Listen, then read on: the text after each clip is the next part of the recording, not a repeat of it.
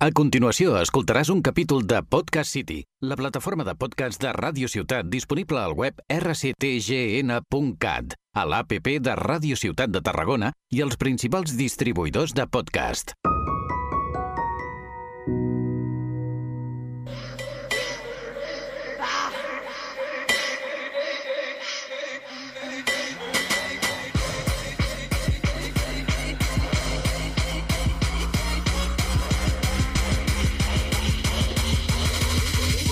De la ira, comando Hum, servicio a domicilio, venimos a cobrar. Destruir la norma, un podcast de cerdas y diamantes. Nuestro espacio para compartir aprendizajes y cuestionar el sistema desde una mirada interseccional. Se las da de bueno delante la abuela, se cuelga medallas por hacer la cena, como si cuidarle fuera mi problema. A nosotras no nos la pegas con ese rollito de víctima. Fiera. Bienvenidas un día más a nuestro podcast, la Destruir la, pasa? Norma. Yo soy Marjorie y a mi lado está Alicia. Oli. ¿Qué tal? Bueno, ¿Mal? pues bueno, bien, porque mañana es fiesta. Sí. Bueno, esto sí. Esto lo escucharéis y seguramente mañana no será fiesta para vosotras. será un poco depresivo todo. Será como, ay, mañana es fiesta. Ah, no, mierda, es lunes. Esperamos que no escuchéis esto un lunes porque si no... Ya, lunes de mierda, ¿no? Como Ah, totalmente. Queride. Súper. Una... Habla de una actividad que se está haciendo ahora en un espacio aquí en Tarragona, la Gata Insumisa, que se llama Lunes de Mierda. Se hace los lunes y es un conversatorio entre, digamos, capitalismo y salud mental. Sí, tal cual. Y está. Relaciona un poco esas dos cosas porque, o vaya, Ya. Bueno, explícalo un poco. ¿Por qué decimos que los lunes son una mierda? Hoy no es lunes, esperemos que para vosotras no lo sea, pero Bueno, no la típica frase, no odiamos los lunes, odiamos el sistema. claro. ¿Es culpa del capitalismo? Y exactamente, es culpa del capitalismo. Eh, lo que supone, ¿no? Lo que implica esos lunes. Hmm, De hecho, siempre en general hablando en plan, el viernes por la tarde es el mejor día, el sábado está muy guay, pero ya el domingo es como una putada porque al día siguiente, el lunes, ¿no? Toca. Sí, además yo soy una persona, creo que lo hemos hablado, que me Mm. afecta, o sea, me afecta bastante. Los domingos yo no, no, mm, no estoy igual. O sea, a mí, bueno, como ya sabéis, abajo el trabajo, entonces eh, pf, me cuesta, me cuesta. Pero bueno, ¿qué, qué os traemos hoy? Bueno, tuvimos, aunque esto saldrá más adelante, tuvimos dos acciones eh, antiespecistas ¿no? Ujú. que queríamos comentar un poco. En marzo, Sí, ah, estamos en abril, ¿cierto? claro, en marzo hubieron Eh, dos por los tres toms, que aún yo creo que no sé si han sido durante marzo, pero abril también siguen habiendo, puede ser. Desde enero, porque esto es, eh, está vinculado al patrón este de San Antonio, San Mm. Antón, y al patrón de los animales, y desde enero que empieza un poco, pues alrededor de esta festividad, cada fin de semana en una localidad diferente, alrededor to- de toda Cataluña se hace, se hace esto. Sí, pues eso, en Reus y Tarragona tuvimos dos acciones y como no, eh, recibimos mucho odio y violencia de todos tipos, ¿no? Tuvimos ataques gordófobos, bueno, gordodiantes, eh, machistas, por supuesto, especistas, obviamente. ¿no? Obviamente. Agresión Y sexual incluso agresión hubo, sexual, incluida. Sí. Bueno, yo mm, contigo lo he hablado muchas veces que estamos en otros colectivos, ¿no? Que si feministas, que si otras movidas, pero como haciendo acciones antiespecistas no recibimos tanto odio como, como en estas. O sea, es algo. Sí. Es lo que más confronta y lo que más. ¿Ya me entra la tos? Alicia y su tos. No entiendo. Pues sí, supongo que todas sabéis lo que son los tres toms, pero bueno, lo podemos explicar rápidamente. Que al final es como una especie de fiesta popular, una tradición, que lo que hace es que, ya lo explicamos aquí Sí. un día, ¿no? Eh, pero bueno, lo recordamos. Y lo que hacen es como un pasacalles o yo qué sé, Mm. como si fuera un... Es un poco un zoo realmente, pero en la calle. Y pues hay diferentes equidos, ¿no? Caballos, burros, mulas, eh, ponis y... Un circo. Sí, es que es un circo, tal cual, realmente. un circo andante. De hecho, el circo con animales está prohibido en Cataluña, pero eso es un circo eh, con animales en la calle y bajo la bandera de la tradición, ¿no? Entonces, la acción que hicimos, porque a lo mejor la gente, bueno, ¿qué acción, no? La acción era cuatro gatos, literalmente, cuatro gatas, mejor dicho. No sé, no llegamos a ser ni 20. No. Mm, o sea, dirían entre 10 y 15, bueno, eh, con carteles, simplemente con frases denunciando nuestro rechazo, ¿no? Haciendo visible nuestro rechazo a esa fiesta de, em, del tipo, no sé si te acuerdas de alguna frase. Bueno, aparte de que obviamente está financiado algunas ciudades, no por el ayuntamiento, entonces el ayuntamiento consideramos, y así lo poníamos en las pancartas, que es Mm. cómplice de la explotación animal, ¿no? Y haciendo referencia a eso, que eso no... em, que es explotación, ¿no? Sí. Que no es ni tradición, No es amor. ni es arte, ni es amor. Decíamos, no es amor, es explotación. Porque hay muchas personas, ¿no? De las hípicas que, ah, qué bien tratamos a nuestros caballos, los peinamos, les... están brillantes. Ok, ok, pero es explotación. Sí. es uso y abuso de los animales. Exacto, ahí va. Al final lo que queríamos señalar es el uso de los animales como propiedad y aparte de la monta, ¿no? Lo que le supone la monta a los caballos.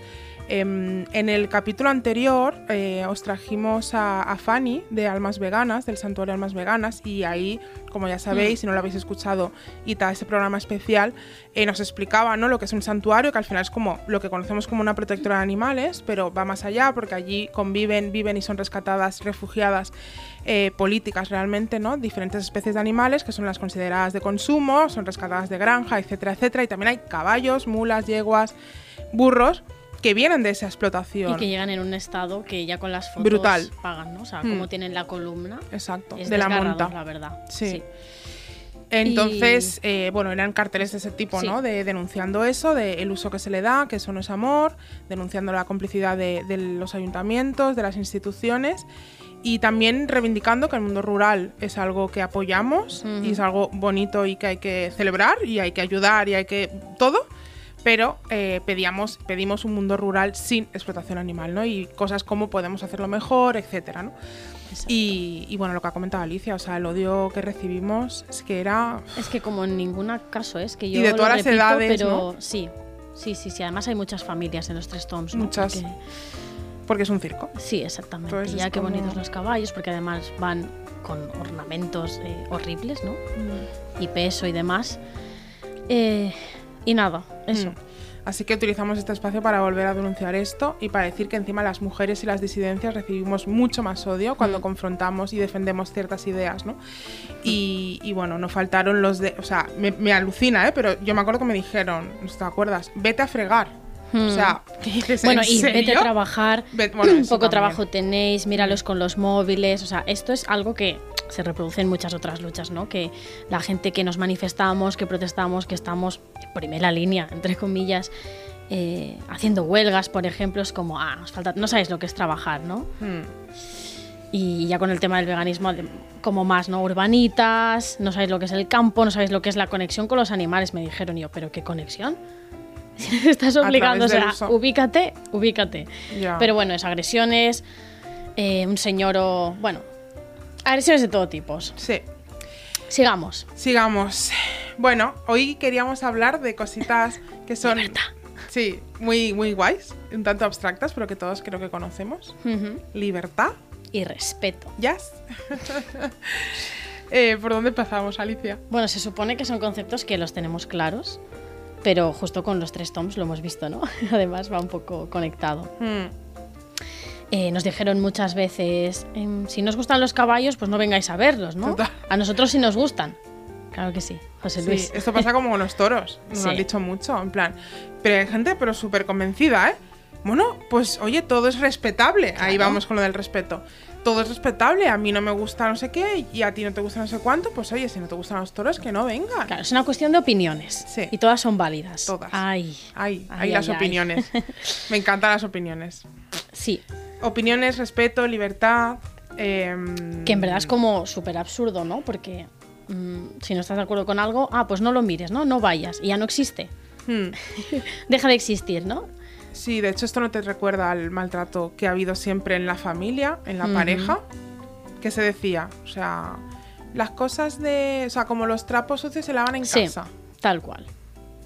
O sea, es lo mismo, ¿no? O sea, hemos sido cómplices y han sido cómplices nuestros padres, abuelos y tal, de maltrato eh, del hombre hacia la mujer en parejas, familias y tal, pero era como, bueno, cosas de pareja. Sí, o cuando ha habido abusos, ¿no? Eh, Bueno. infantiles, que ahí la familia también juega un papel importantísimo. Eh, pues lo mismo, más de lo mismo. Es como que se encubren, ¿no? Y, y todo queda ahí. Parece que los demás, de manera externa, no podamos señalar eso, ¿no? Es como, si no te gusta que abusen sexualmente de un niño, Claro. no mires. Es como, es que suena así de absurdo. Exacto. O sea, cuando hay algo que realmente eh, atenta contra la integridad de una persona, los animales son personas, ya lo hemos hablado aquí, ¿no? Mm. Lo volvemos a decir.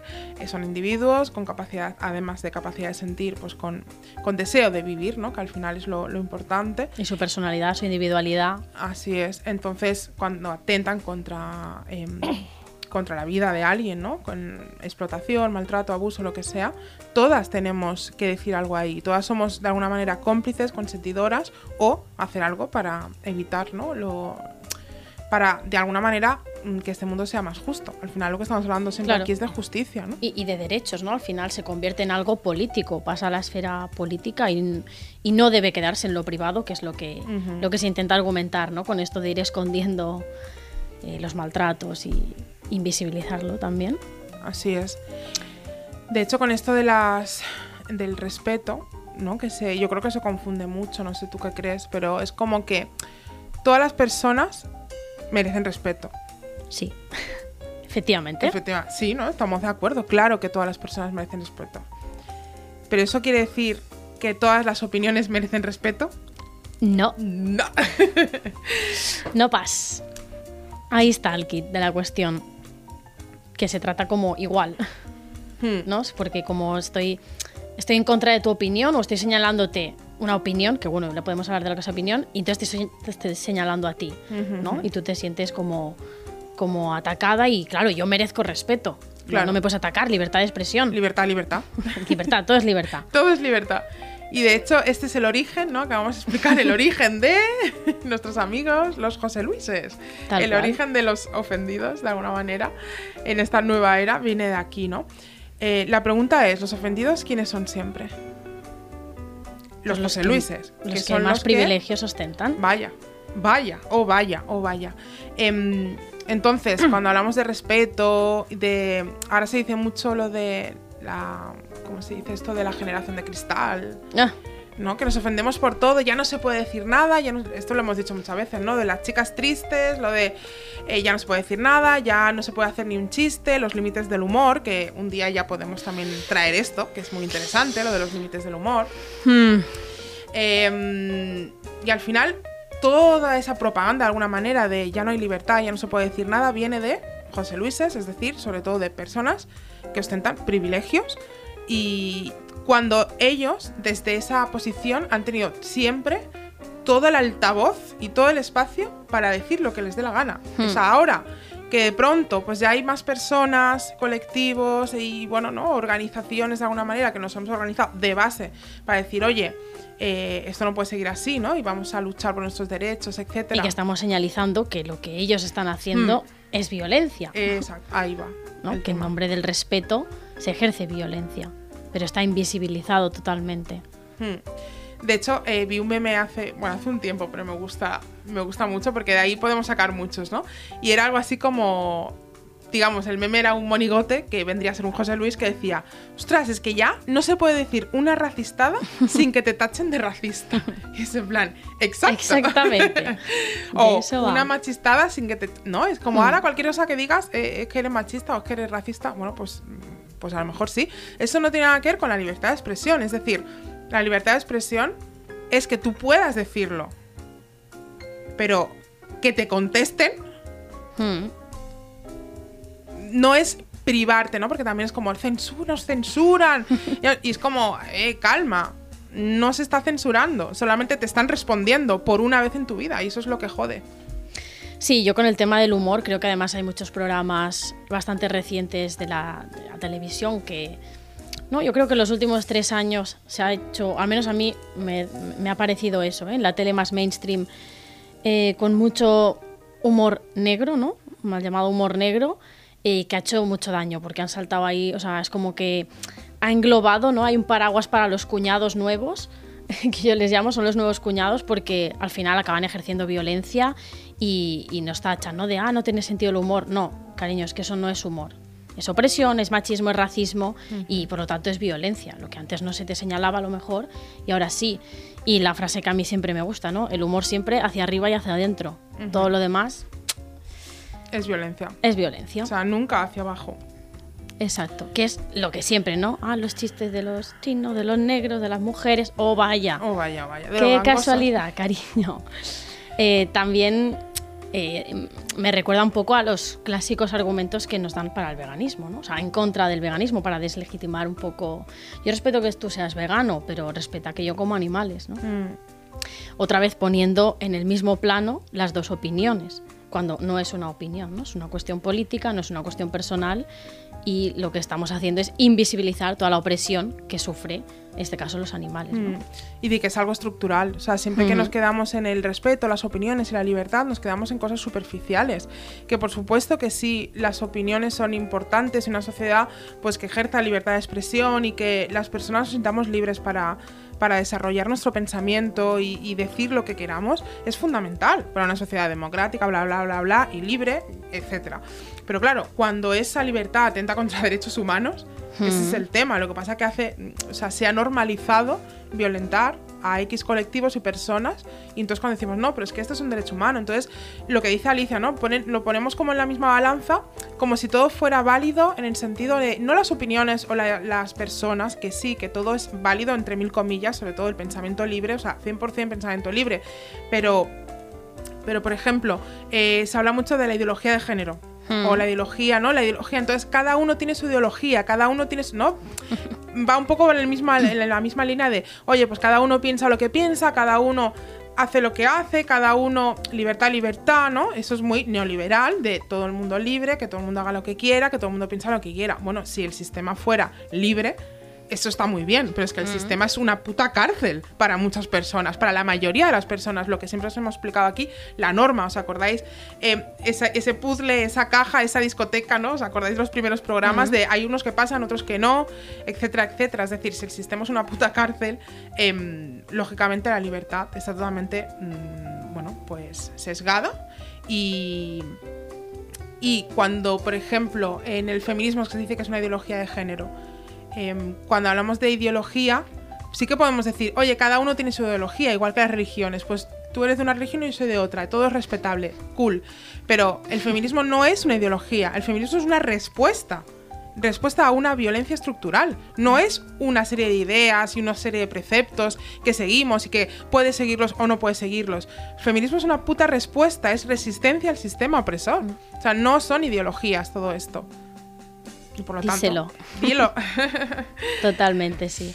Y lo que no podemos hacer es obviar toda la carga histórica que tienen eh, estas luchas ¿no? y estas opresiones que provienen de, de- de personas que han estado en los márgenes. ¿no? Entonces, no podemos obviar toda esa carga histórica que hace que sea un problema estructural y que por lo tanto el humor siempre sea, ¿no? o el humor o, o- o lo que decíamos, las opiniones, siempre van de arriba abajo. Mm, quería leer una frase, porque además me encanta la contrafrase, que creo que en los tiempos no están, no se conocieron, ¿no? Os- Oscar Wilde y Noam Chomsky, y Oscar Wilde es de hace más, ¿no? Pero Noam Chomsky eh, dijo una frase, es, bueno, Noam Chomsky es lingüista, filósofo, creo que son muchas cosas. Sí. Eh, la verdad es que tiene libros increíbles. Em, y muchos de los pensadores de este siglo pasado y más allá han hablado mucho sobre la libertad. Tienen libros enteros, ensayos sobre la libertad, ¿no? Es una cosa como algo muy del ser humano, ¿no? Y mm, una frase, si no creemos en la libertad de expresión de quien detestamos, no creemos en ella. Y esto, bueno, a priori dices, vale, guay. Lo que decíamos, en un mundo totalmente libre y sin estas normas que son violentas, está cool. Y me encanta una frase de Oscar Wilde que dice, que parece que sea respuesta a, a Noam Chomsky, pero es algo así como, no la tengo apuntada, pero es como, si no creemos en la libertad de expresión de quien odiamos o de quien, o de quien no está de acuerdo con nosotros, no dejamos que haga el ridículo. o sea, que realmente es como, vamos a dejar que, que- que digan lo que, lo que piensan, porque así de alguna manera sabemos quiénes son. ¿Sabes? Entonces también, también está bien, ¿no? Y quería añadir la paradoja eh, de la tolerancia de Karl Popper, que esta también está muy bien. Yo creo, yo me quedo con un poco esta, digamos, esta parte o este pensamiento, que también se dice mucho, ¿no? Em, hay que ser tolerantes con todos menos con los intolerantes. O sea, eh, Popper mm, en esta paradoja explica que realmente en una sociedad que es eh, ilimitadamente tolerante, Hmm. Puede pasar, si eres tolerante con los intolerantes, puede pasar que los intolerantes lleguen al poder en algún momento y por lo tanto establezcan la intolerancia como forma de, de- de- de sistema, ¿no? Hmm. Entonces por eso pone como ese límite de tolerancia sí, pero no con los intolerantes. Yo creo que ese es el punto final, bueno, punto final, ¿entendéis? ¿no? A- o un resumen interesante creo a, a todo esto de la libertad y el respeto. Sí, un día, que ya podemos hablar otro día de la libertad, eh, más, porque recuerdo, ahora tendría que, que repasar, ¿eh? cuando bueno, hice un posgrado de bla, bla, bla. Eh, Ella de la academia, sí, to- totalmente. que salga la verdad. Totalmente, mis privilegios ahí están. Em, que siempre tenemos la idea, me acuerdo, ¿no? Que decían que la libertad es como un pastel y que se tiene que repartir, ¿no? Y que si unos tienen, los otros se quedan sin. Y no debería ser esto, ¿no? O sea, debería poderse repartir de alguna manera, pero es como algo de, pues tú tienes una porción, eso quiere decir que alguien ya no la tiene. Bueno, como a modo reflexivo, ¿eh? Porque creo que sí entendemos la libertad de esa manera.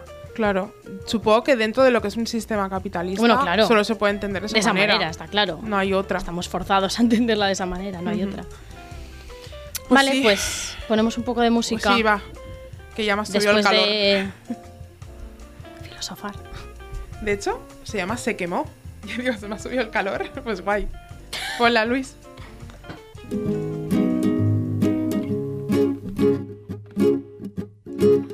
Él era un violador cualquiera, tenía por delante toda una vida de alegrías y penas y libertad sexual.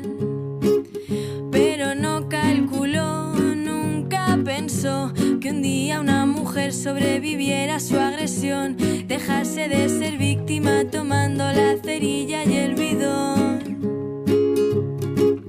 Él no esperaba su venganza y se quemó.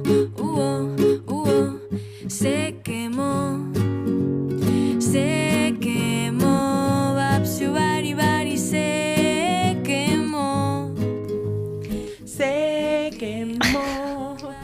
Sí que estás animada, se nota que es juernes, ¿eh? Madre mía. Juernes. Es un poco de boomer Sí, decir esto. totalmente. Uh. Pues soy más joven que tú. Bueno, no mucho. 12 años. Bueno, dejemos la edad. Em, el temita, que tampoco es un tema de hoy, No. ¿no? Pero sí me recientemente, aunque cuando los- lo escuchéis no va a ser así, eh, fueron los Oscars. Sí. Los Oscars de este año. Entonces, A mí es que me encanta mucho el famoseo. Ya lo soy sabemos. muy friki. O sea, soy. A ver, queda más bonito decir soy amante del arte y la cultura en todas sus formas, pero realmente soy muy friki de los famosos. O sea, veo cualquier famoso y Doy es como, fe, doy- por no, favor, bueno. una foto. bueno, y otras cosas. ¡Ah! Porque les chillas en la cara. Lo he visto, ¿eh? Lo he sí, visto. es que nos gusta mucho. O sea, siempre que voy a Madrid, que me encanta Madrid, hola. Eh, hola Madrid. Paraíso, bueno, sí. Paraíso vegano. eh, que hemos ido varias veces, Alicia y yo, de hecho. Sí. cerdas en Madrid, pues siempre veo algún famoso, pero es que always. Y me encanta. Bueno, em, entonces, mundo Ah, famoseo, no. alfombras rojas y todo esto, pues me encanta. Y entonces, bueno, eh, pensé, ostras, los, or- los Oscar, ¿qué pasa con los Oscar, no? ¿Lo de siempre? Lo de siempre, sí, lo de siempre. Ya sabéis que la triunfadora fue una película que se llama Todo a la vez en todas partes. Se llevó 7 de las 11 nominaciones. Y uno de los, de los Oscars, que era a Oscars, de los ¿Oscars? Oscars. ¿Cómo se Oscars en plural? Los Oscar, no, sin ese. ¿Oscar? Los Oscar. O los Oscares. No, Oscares no. Oscars seguro que no. Oscars, Los Oscar. Oscar. Next. Bueno, eh, se lo llevó. mm, ¿Cómo se llama? Michelle, Michelle Yeoh. Michelle Yeoh a mejor actriz protagonista. Y además, que fue como muy emocionante realmente, se llevó la estatuilla, la estatuilla en manos de Halle Berry, que es otra actriz afroamericana, eh, que es la otra única artista no blanca ganadora de un Oscar como mejor actriz protagonista. Repito, la otra única, única artista no blanca. ¿Qué piensas, Eh, Alicia? ¿Es casualidad? Aquí nada es casualidad, ya lo sabemos. Eh, bueno, por aportar un poquito de datos, ¿no? Porque a veces es necesario para la gente que, que cuestiona, ¿no? Y de que, ah, pero si ya tenéis, ya hay nominaciones, ya hay, etcétera. Sí. Desde el nacimiento de los Oscars hasta el año 2022, solo el 8% de los actores y actrices nominados han sido no blancos. Es decir, solo 141 de más de 1.700 candidatos. 1.700 candidatos. Ojo piojo. Es que, bueno, recordemos que en 2015 y 2016, en ambas ediciones, no hubo ni un solo actor no blanco entre los 40 nominados actor y actriz, ni afroamericanos, ni, asiáti- ni asiáticos, ni latinos. Em, hay una cuenta eh, que se llama Afrocolectiva, de la cual obviamente somos fans, eh, que aportó ¿no? también un poquito de información y nos decía que solo 22 actores negros han ganado un Oscar de los 380, es decir, un 5,7%. Eh, y como ha dicho Marjorie antes, pues solo una mujer negra tiene un Oscar como mejor actriz y solo cinco hombres negros lo tienen. Datos, Se me paren los pelos de punta. cariños, ¿eh? Mira. datos. Y eso que ya lo sabía. O sea, ya lo tengo aquí delante, lo puedo leer y se me ponen los pelos de punta. Ya, porque- pues que cuando ves números, Sí, o sea. Y es interesante porque ves el racismo, pero también ves la misoginia. Mm, la por misoginia, que es la misoginia negra. Ya hablaremos, no sé si lo hemos hablado, porque ya no sé Mm, dónde Creo que sí un poquito, Vale. el día que hablábamos de interseccionalidad. Vale, sí, es verdad. Eh, y aquí también no es casualidad estos datos, ¿no?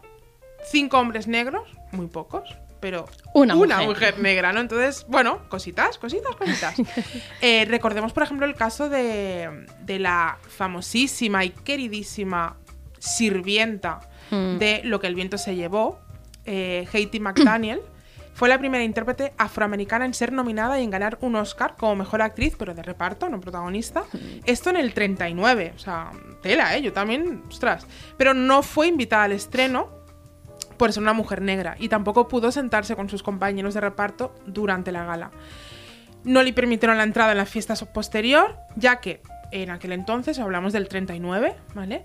Estaba todavía la ley Jim Crow, o Crow, Jim Crow, creo, que dictaminaba la segregación de los negros en espacios públicos. Y cuidado que esta ley, buscar un poquito, googlear un poquito, Jim Crow, eh, fue vigente hasta 1965. 1965, es que hace cuatro Nada. días. Hace nada, sí. O sea, nuestros padres, nuestros abuelos. O sea, quiero decir que es una cosa recientísima. Y ya sabemos que eso es una ley, ¿no? Pero lo que eso queda cuajado en la cultura, Mm. todavía. ¡uh! Por eso Claro. cuando dicen el racismo, no. Bueno, escucha, si la ley esta es segregación, prácticamente como en Sudáfrica, que en Sudáfrica fue hasta el 94, creo, no me acuerdo. Es decir, 90, o sea, estamos hablando de muy reciente, es nuestra historia, es el presente prácticamente, ¿eh?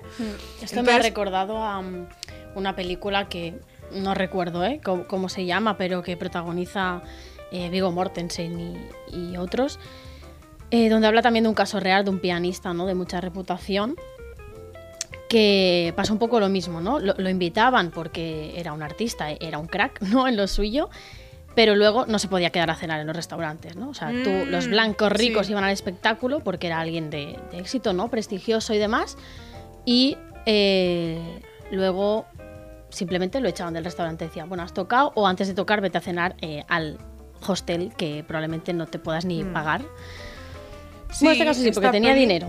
Mm. Perdona, tenía dinero, porque obviamente cobraba, pero no podía sentarse, ¿no? Con los demás. Sí, esta En fin. la vi, que se llama Green, Green, Green Book. Green Book. Green Book, sí. Porque además era un libro que Exacto. hicieron para ver dónde los negros sí podían. sí o sea, eh, alojarse. Sí.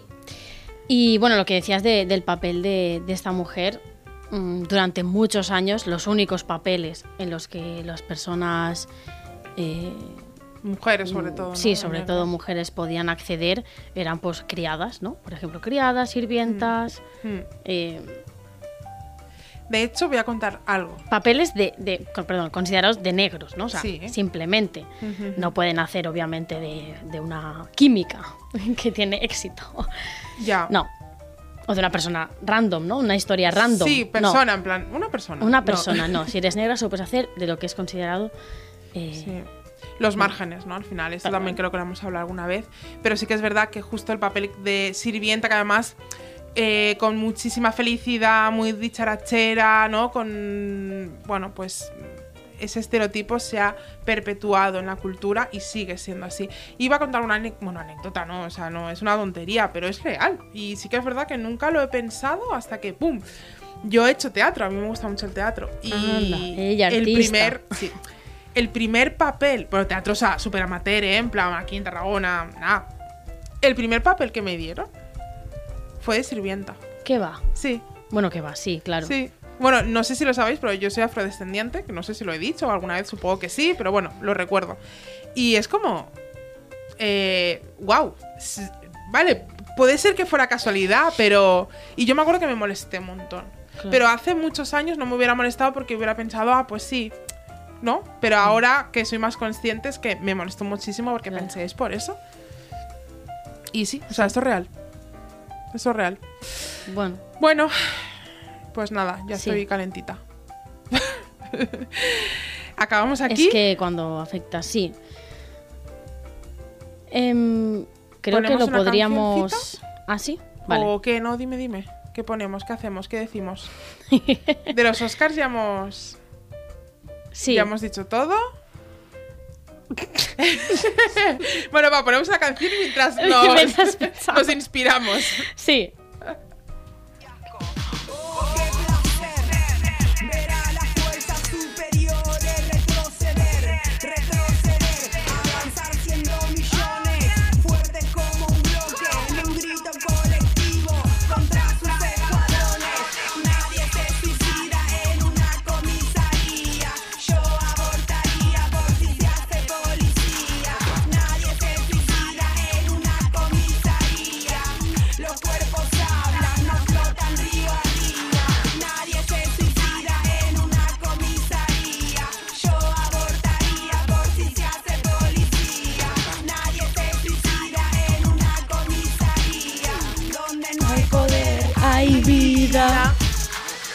Me encanta Vale. esta frase. Donde no hay poder, hay vida. Sí, a mí otras de la canción también me gustan. Acá. vale. Nada, pues os hemos puesto una canción de regalo porque eh, realmente finalizamos el programa de Sí. hoy. Recordad que nos podéis seguir en redes, tanto Instagram de Cerdas y Diamantes, en Twitter del programa. Eh, En las redes de Podcast City Radio Ciudad Tarragona. Visita de Tarragona, que siempre me equivoco, lo siento. Sí. Por eso digo que lo diga Marjorie. Marjorie. Y bueno, ya sabéis, nuestra queridísima incomodidad. Si habéis sentido algo parecido, cogedla, eh, cuestiona lo que crees, lo que piensas y haz cambios. La incomodidad es un espacio revolucionario. Y cuando la norma es opresión, destruirla es un derecho. Hasta siempre. Que me creo, locutora. Chao. Una nariz que parece esté otra persona. Aquí todos somos deformes y nos resistimos a usar uniformes. Lo más feo de la flor es el tallo. La belleza se alimenta de fallos. Como nos vemos curiosos, ponemos a los lindos nerviosos. Que toda la gente nos señale lo que no es igual, sobresale.